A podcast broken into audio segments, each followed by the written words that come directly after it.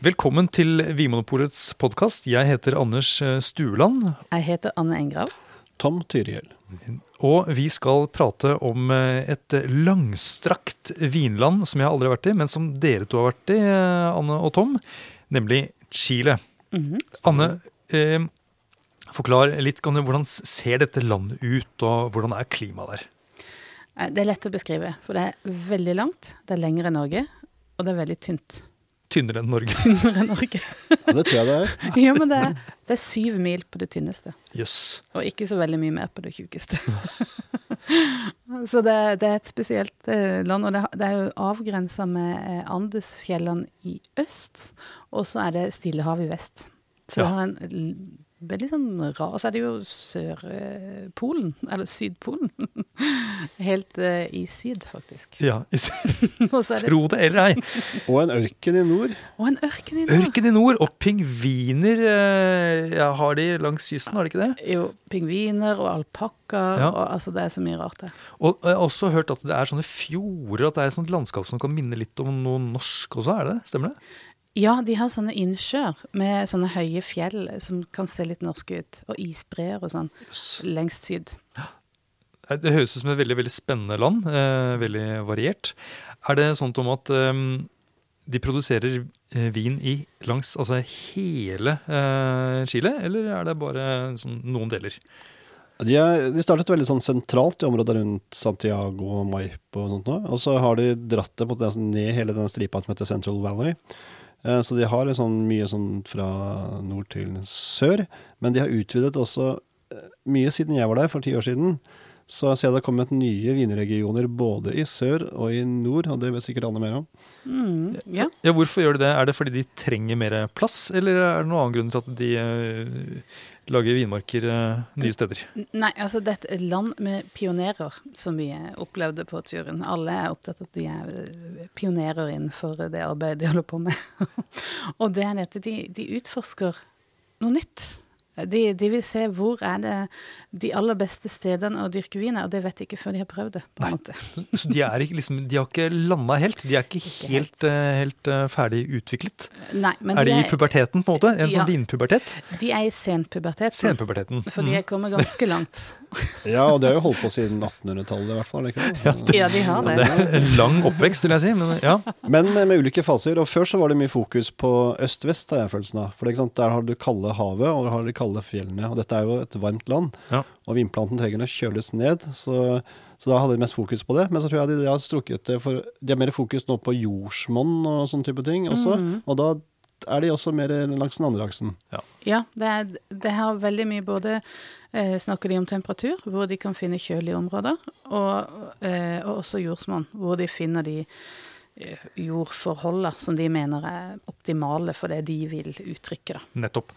Og da er det sånn at eh, denne kyststripa den er da preget av en strøm som heter Humboldt-strømmen, eh, stemmer ikke det? Jo. Ja.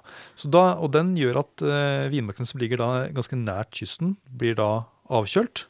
Ja, Men for vannet, sa vannet, er så kaldt, det er for det kommer fra Sørpolen. Ja. Og da blir det så kalde vinder som påvirker eh, et ganske langt stykke inn uh, på kysten.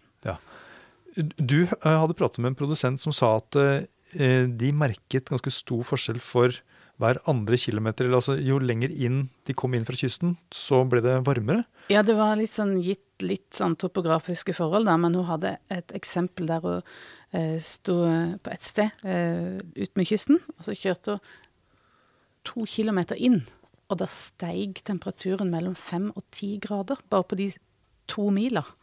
Og det er jo ganske voldsomt. Altså det, det har en, det er en voldsom effekt. Eh, De, var også veldig opptatt av det der øst-vest, at, at det var det som på en måte markerte store skiller i klima. Nettopp, så det endrer seg nesten mer på den, det korte strekket eh, vest-øst Mhm. enn om de reiser nordover eller sørover, liksom langs kysten f.eks. Ja, Der er de ikke- forholdene relativt like. Ja, hvis ikke de går til det, ek, de ekstreme utkantene. Og Tom, du nevnte altså da noe med, med fjellene. at er, er de også, Kjøler de også ned vinmarkene? Ja, det kommer eh, kjølig luft på kvelden som, på morgenen som siger deg nedover.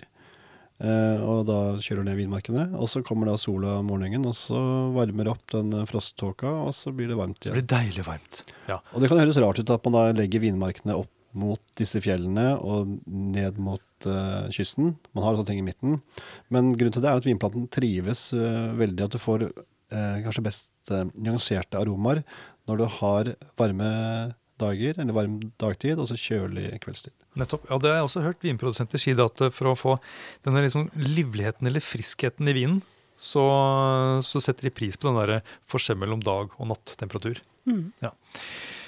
Em, jeg, eh, jeg husker jo når jeg jobbet eh, Altså, jeg starta butikk i 1998, og da var Chile ganske hot. Men da var det jo eh, stort sett Altså, rødvinene da var litt sånn Bordeaux-etterligninger, kan, jeg vel si. Og de kom fra Maipo. Men det er mye som har skjedd eh, siden den gang. Hva er det som er liksom eh, det nye i, i Chile nå? Eh, Ja, det er som du sier, at Cabernet Sauvignon og, og Merlot var veldig viktig eh, i den første delen av Chiles pubertet, for å si det sånn. Men, og fremdeles er Cabernet Sauvignon den mest planta drua. Ja, akkurat. Altså by far, som vi sier. Men, men, Chile. I Chile. Men eh, eh, samtidig det som liksom de nye stemmene og det som er mest sånn spennende som skjer, det er kanskje for det første de der eh, kjølige eh, områdene, der de får liksom friske viner. Og så det de, eh, det de tester ut av forskjellige druetyper, da. Og da er det kanskje pinot noir, eh, carmener, pais og syrah. Noen druer som, som dukker opp, som gir eh, veldig spennende, komplekse, sammensatte og interessante viner, Ja, vil jeg si. og eh, Noen av disse druetypene er jo eh, sikkert kjent for, eh, for mange, men eh, vi kan jo f.eks. da ta Carmener, da, eh, Tom. Eh, Ikke Hva- hva slags veldig- drue er det? Ikke veldig kjent, nei. Det, det var jo en drue som inngikk i blandingen i Bordeaux før, og du kan kanskje finne det i et par prosentdels andel nå også. Og alle druene, i hvert fall veldig mange av de kommer fra Frankrike. Det var Frankrike som kom over på 1800-tallet og eh, hadde sånt et planteri, holdt på å si, var det ikke det? At de, de dyrket frem mange druesorter og plantet ut. Eh, men de også tok litt tid for å oppdage dette selv, fordi de solgte mye ren cabernet og ren merlot i begynnelsen. Og det var også en gave til oss som begynte å lese vin og sette seg inn i ting på den tiden der. fordi når du leste vinbøker, så sto det gjerne om rene druetyper. Men det var mest Bordeaux som var tilgjengelig, og det var alltid en blanding. sant? Hvordan smaker ren cabernet? Hvordan smaker ren merlot? Og de kom fra Chile. Men det viste seg at det de hadde av merlot, var ofte ikke merlot. Det var carmenel, som da ampelografen, han som ser på bladene, fant ut at dette her er litt annerledes blader. Dette var noe annet. Og så man har tatt DNA-testing senere, ser man at veldig mye av det er Carmenel, som er en annen druetype. Og en spennende type som de lager de, Da var det litt sånn skeptiske i tiden, for de ville ha merlot, men nå, det har endret seg, Janne. Mm, ja, det syns jeg de eh, er blitt eh, flinkere til å behandle den i vinmark, holdt jeg på å si, og vite hva, hvordan de skal eh, dyrke den for å få frem disse nesten sånn parfymerte, blomsteraktige aromaene. I tillegg til masse sånn mørk, dyp frukt, som man på en måte kanskje forventer fra et relativt varmt vinland. Men det er noe sånn der letthet over det som eh, som var altså, veldig stabilt, jevnt høy kvalitet. av. ja, akkurat. Og det, og det er jo da en blå drue, så det er jo snakk om rødvin, eventuelt Ja. rosévin eller ofte. da. Eventuelt. Ja. Jeg også eh, forbinder det med noe sånn, sånn blomsteraktig, som du sier, men også noe sånn eh, lakris og noe sånn urter og noe litt sånn solbæraktig som nesten kan minne litt om eh, Cabernet Sauvignon, men ikke Ja. like fast som Cabernet Sauvignon. Nei. Så det er litt sånn fruktige og litt sånn omgjengelige Ja, og eh, sånn direkte viner, på en eller annen måte. ja Ja. litt som chileneren. Litt som chileneren, ja. Ja. Nettopp. Og, og de har jo også en annen også veldig spennende, litt ukjent drue, Carignan. Ja, Og som har liksom fått en helt sånn en spesiell status og en helt sånn klubb der nede som heter Vigno, tror jeg. eh, V-I-G-N-O. Mhm. Og det er eh, mm, og det er en, en klubb av eh, vinprodusenter, eller Ja. en klubb av vindrikkere, holdt på å si. Som, eh, Nei, nå tenker jeg i hvert fall på vinprodusentene. Ja. Dedikerte produsenter som eh, eh, har funnet frem til relativt gamle vinplanter. Som ja, 30-40 pluss, kan det være det? Sånn, i hvert fall. Det er for gamle. Ja, jeg tror, de driver- ja, ja, jeg tror 1940-tallet var da de begynte også å dyrke Carignan. Eh, Ja. Og eh, i tillegg så driver de dry farming, at det er ikke lov til å vanne. Eh, og det er veldig viktig, for dette her er jo et land som har eh, svært begrensede ressurser med vanningsvann eller ferskvann. Nettopp. Så dette her, altså Vinjo, denne klubben med vinprodusenter, eh, har da funnet eh, vinmarker med gamle Carignan-vinplanter. litt sånn krokete planter som ikke får en dråpe vann. Eh, og så lager de vin av det. Ja, og det er en kunst. Rødvin. I Chile er det en kunst Ja. å klare å dra, øh, gjøre det uten vann. Og, og, og hvordan smaker disse vinene? Det høres, det høres jo veldig spesielt ut. ja, og det er jo litt spesielt. øh, men de er ikke rare. Disse vinene er ikke rare. Nei, Men de er Berolig meg litt nå. Ja. Ja, men de, eh, det som er eh, kanskje sp- litt sånn typisk for dem, at de er veldig sånn livlige og friske. Og at de har en, eh, en sammensatt aroma av litt sånn kjølige eh, Mer sånn kjølig type bær. Altså de er mer sånn røde bær og, og sammensatte. Ja, du har jo drukket masse vin, gjør du? Ja, ikke masse, men jeg har prøvd en og annen. Og jeg også tenker at er, de er livlige, samtidig som de har sånn krydret og en sånn eh, fin sånn modne rød bær. Minner litt om litt sånn sørfransk vin, egentlig, og det er ikke så rart. Altså, Carignan er jo en drue som brukes mye i Sør-Frankrike òg. Noen bruker jo litt fat og sånn når de lager vin, så noen har litt fatpreg. Men friske, og jeg tenker, eh, når jeg tenker på en sånn gammel plante som ikke får vann, så hadde jeg kanskje tenkt at nei, dette er en vin som blir veldig sånn innskrumpet og tørr og streng og vanskelig å ha med å gjøre, men det er ikke sånn. De Nei, er det er helt motsatt, kanskje. deilige, Ja. leskende viner. Og så er det den der rødbærsfruktigheten som er kanskje med på å forsterke Ja. denne livligheten. Og dette er da altså en, en del av liksom det nye Chile, men da med gamle planter. Ja, jeg liker også veldig godt bærekraftig i dette. Sant? Når det er et land som har eh, lite tilgang på vann. Så la oss da finne frem til planter og eh, vinmarker hvor man kan dyrke dette uten å måtte vanne. Og så nevnte dere pinot noir. Det er jo en eh, kjent og kjær eh, drue fra eh, spesielt Burgund, men også California og New Zealand har jo blitt svære på pinot noir. Ja, og pinot noir er jo på en måte De som får til en god pinot noir, de har på en måte vist at de har et kjølig klima. For pinot noir må ha litt Altså ikke nødvendigvis å kjøre som eh, burgund, men Ja. altså det må ha noe sånn der friskhet og livlighet over seg. Liker å fryse litt på beina. Ja. Ja, liker, Så- jeg liker å ha det vinduet åpent på natta når jeg sover og vil ha det litt kjølig. ja. Kanskje jeg er litt sånn pinot noir. Du er nok pinot noir. Men ja, og da er det, er det noen spesielle områder i, eh, i Chile, Tom, som da er liksom pinot noir-områdene? Eh, de har vel i hvert fall noen fra det kystnære, sånn Mm. Casablanca og San Antonio. Er det kanskje noen fra lenger sør også? Ja. Det, De har jo kanskje den mest ekstreme sørlige regionen, som ligger rundt eh, Osorno. Eh, innsjøen. Der, har de, der er det veldig kjølig igjen, da, og det var kanskje de flotteste pinot noirene vi fikk smake, som var virkelig sånn ja, veldig livlig og lette i kroppen. Og, og Sorno det er da et, et område som er ganske nytt. Ja, der er det fremdeles på Det pionerstadiet. er pionerer der òg, ja. ja. og eh, hvis du så skal beskrive det, Anne, er det noe forskjell på for da en pinot noir fra Burgund og en eh, slik eh, pinot noir fra Chile? Er, er det noe Hmm. Hadde du kjent forskjell på det? Altså sånn, eh, og det er kanskje nesten generelt for hele landet, så jeg tenker at det er en sånn der, en fruktighet. Så selv om det er en veldig flott eh, sånn pinot noir-fruktighet også i, i, fra Chile, så er det Du har ikke det der eh, eh, kanskje litt sånn klisjéaktig sånn underskog og litt sånn løvpreg som er i Burgund. Det er mer sånn veldig sånn frukt og blomst. Ah, litt sånn utadvendte, på en måte. Ja, Snakke litt, eh, litt høyere, er litt, uh, kommer det litt i møte. ja. Ikke innadvendte og vanskelige. Overhodet ikke. Nei, nettopp. Og så har de også en munnfølelse som er veldig saftig. Ja. Altså sånn, Det er mindre tannin, vil jeg nesten våge å påstå. Akkurat. Uh. Eh, nå har vi bare pratet om rødvin. De lager hvitvin i Chile også. Ja. Eh, Tom, er det liksom Hvis jeg sier hvitvin Chile, hva er det liksom det første du tenker på da? Sauvignon Blanc og Chardonnay. Ja. Det er vel det de i hvert fall har til å produsere mest av.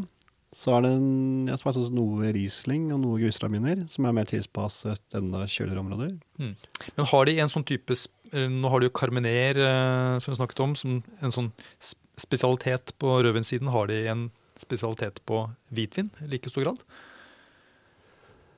Ja, er det Hva er mest, da? Det, jeg, synes, jeg, jeg tenker de er nesten like mye når man ser det sånn fra butikkståsted, at det er like mye Chardonnay og Sauvignon Blanc, men Mhm. du har vel sagt om at de har nok mer, mer beplantninger av Sauvignon Blanc? Ja, det er kanskje mer i volum. Jeg er litt usikker på de tallene, men det virker som om de, om de satser på den Sauvignon Blanc-stilen i liksom den enklere inngangsnivået, mens Chardonnay er liksom der kan det være de litt mer forseggjorte vinene, men Ja, og det er litt, Det det er litt litt, ja. typisk, det, egentlig. Jeg tenker sånn New Zealand, Australia, Argentina, det er jo gjerne chardonnayen som de jobber litt mer med. mm. har ligget litt på fat og på bunnfall og slik. Bruke litt mer tid og penger på det. Ja. Så skal Sauvignon Blancen være litt mer fruktig, rett fram og urtepreg og sånn. ja. Ja, eh, er det noen druer vi har glemt av dere? Ja, de har jo en litt artig drue som heter Pais. Ja, kom igjen. Eh, den er ikke mye brukt, men en sånn litt lokal, robust, eh, spennende arbeidshest av en drue som eh, gir eh, rimelig god vin, i hvert fall. Så- ja, og det hørte jeg fra noen av disse her Vinjo-folka, at den hadde de tro på skulle bli det neste Neste kan, ja. The next big thing. Ja, Så kanskje det kommer en sånn der klubb for eh, Pais-druen også? Ja. Og fordi at det er jo eh, De vil jo gjerne tilbake til sin, sitt eget indre eh, chilenske vinmenneske. ja. og, det, og Pais passer godt inn i det, for det var liksom noe av det første eh, druestokken som ble planta der, som europeerne tok eh, ja, med seg over. nettopp. Som ble kalt misjon. Ja, de kommer, de kommer misjonærene, rett og slett. Ja. Ja. Det er litt gøy. Så det er virkelig en av de gamle Ja. eh, druetypene i, eh, i eh, Sør-Amerika. Urdrua. Urdrua. Eh, og, og det som du sier, Tom, det er en sånn arbeidshest. Eller har på en måte vært sett på som en arbeidshest eh, veldig lenge, men eh, den har nå fått en type renessanse. Eller er i ferd med å få det? Ja, for det, jeg hørte de snakket om det da, for ti år siden også, men da var det snakk om at det, det er en drue vi har litt av der, og som på en måte er den eldste, men vi bruker ikke det til noe spesielt. Nei, vi lager kanskje noe blander litt blander litt og drikker litt selv og sånt noe. Men den, som du sier, har det skjedd mye med, kanskje nettopp på jakten på noe annet enn disse De er veldig gode på disse internasjonale franske druene, uh, men her har de da noe som er eget. Det er ikke, my, er ikke mye pais rundt i verden. Nei, nei, det er jo ikke det. Og de gangene jeg har smakt pais, så tenker jeg at, dette, at det er veldig sånn eh, omgjengelige, eh, nesten noe litt sånn eh, Beaujolais Barbera-aktig. Stemmer det? Ja. Er, det jeg eh, Ja, en sånn nype og litt sånn uh, nypeurt. Altså, I de eh, rette hendene så tenker jeg de aller fleste druer kan bli noe veldig kult og spennende. Ja. Så hvis de tar eh, Men det er, ikke en, det er ikke en drue som gir noen sånn stramme Nei, men de, Beist men de lager det vel ofte også på en sånn type Beaujolais-måte, med sånn litt sånn semikarbonmaserasjon, som Nettopp. gir litt ekstra fruktighet og en litt bløtere munnfølelse. For Ja. den er nok litt, litt tøff, den rua. Ja, akkurat så de, de, de behandler den litt forsiktig og på en spesiell måte nettopp for å unngå at den blir så, så snerpende. Det henger sammen like mye med produksjonsmåte som selve druens karakter. Det kan være. Mm. Var det, var det fint sagt? Det var veldig fint sagt. Eh, til slutt så kan dere på en måte eh, si eh, hva, hva tenker dere er det, det mest spennende med Chile akkurat nå? Eh, Chiles vinverden, da. På, ja, mm. Mm. Em, jeg syns eh, eh, Kanskje ut ifra det jeg smakte nå nylig, så er jeg spent på hva de klarer å få ut av syradrua. ah, Jeg har tro på at det eh, kan bli flott. ja, den franske råndruen som gir sånn, sånn pepper og Ja. vilt blod og uh, sånt noe. Er det, er det sånn de er i Chile òg? ja, eh, de har veldig mye av det der eh, balsamiske, liksom kamferaktige. Kanskje litt mer sånn Litt varmere frukt, jeg vet ikke. Noe som gjorde at de Men det minner meg om rån. Mm. Ja, det Det, høres bra ut. det høres jo bra ut. Ja, så? Chiles råd. Jeg ble veldig nysgjerrig på det andre sa, at Pais er liksom det nye store. Og da tenker jeg litt på det spennende som har skjedd med Gamay i Loire. Det også var jo en sånn drue som litt ja, ikke hadde så høy status. Og så ble den laget også på denne karbonmasterasjonsmetoden. Og nå lages den på burgundmåten, og lager kjempegode, eh, ikke så altfor dyre viner. Iallfall ikke sammenlignet med burgund. Så det er nok også min nye store greie. Ah, kjempespennende. Da er Chile er i ferd med å bli eh, voksen. Eh, og jeg håper at dere som har hørt på, har blitt litt mer nysgjerrige på dette vinlandet. Og lurer dere på mer om eh, chilensk vin, så er det selvfølgelig bare å spørre de som jobber i butikkene. Takk for nå. Takk for at du hører på Vinmonopolets podkast. Har du forslag til et tema i podkasten? Send mail til podkast at vinmonopolet.no. I tillegg svarer kundesenteret deg på e-post, chat og telefon.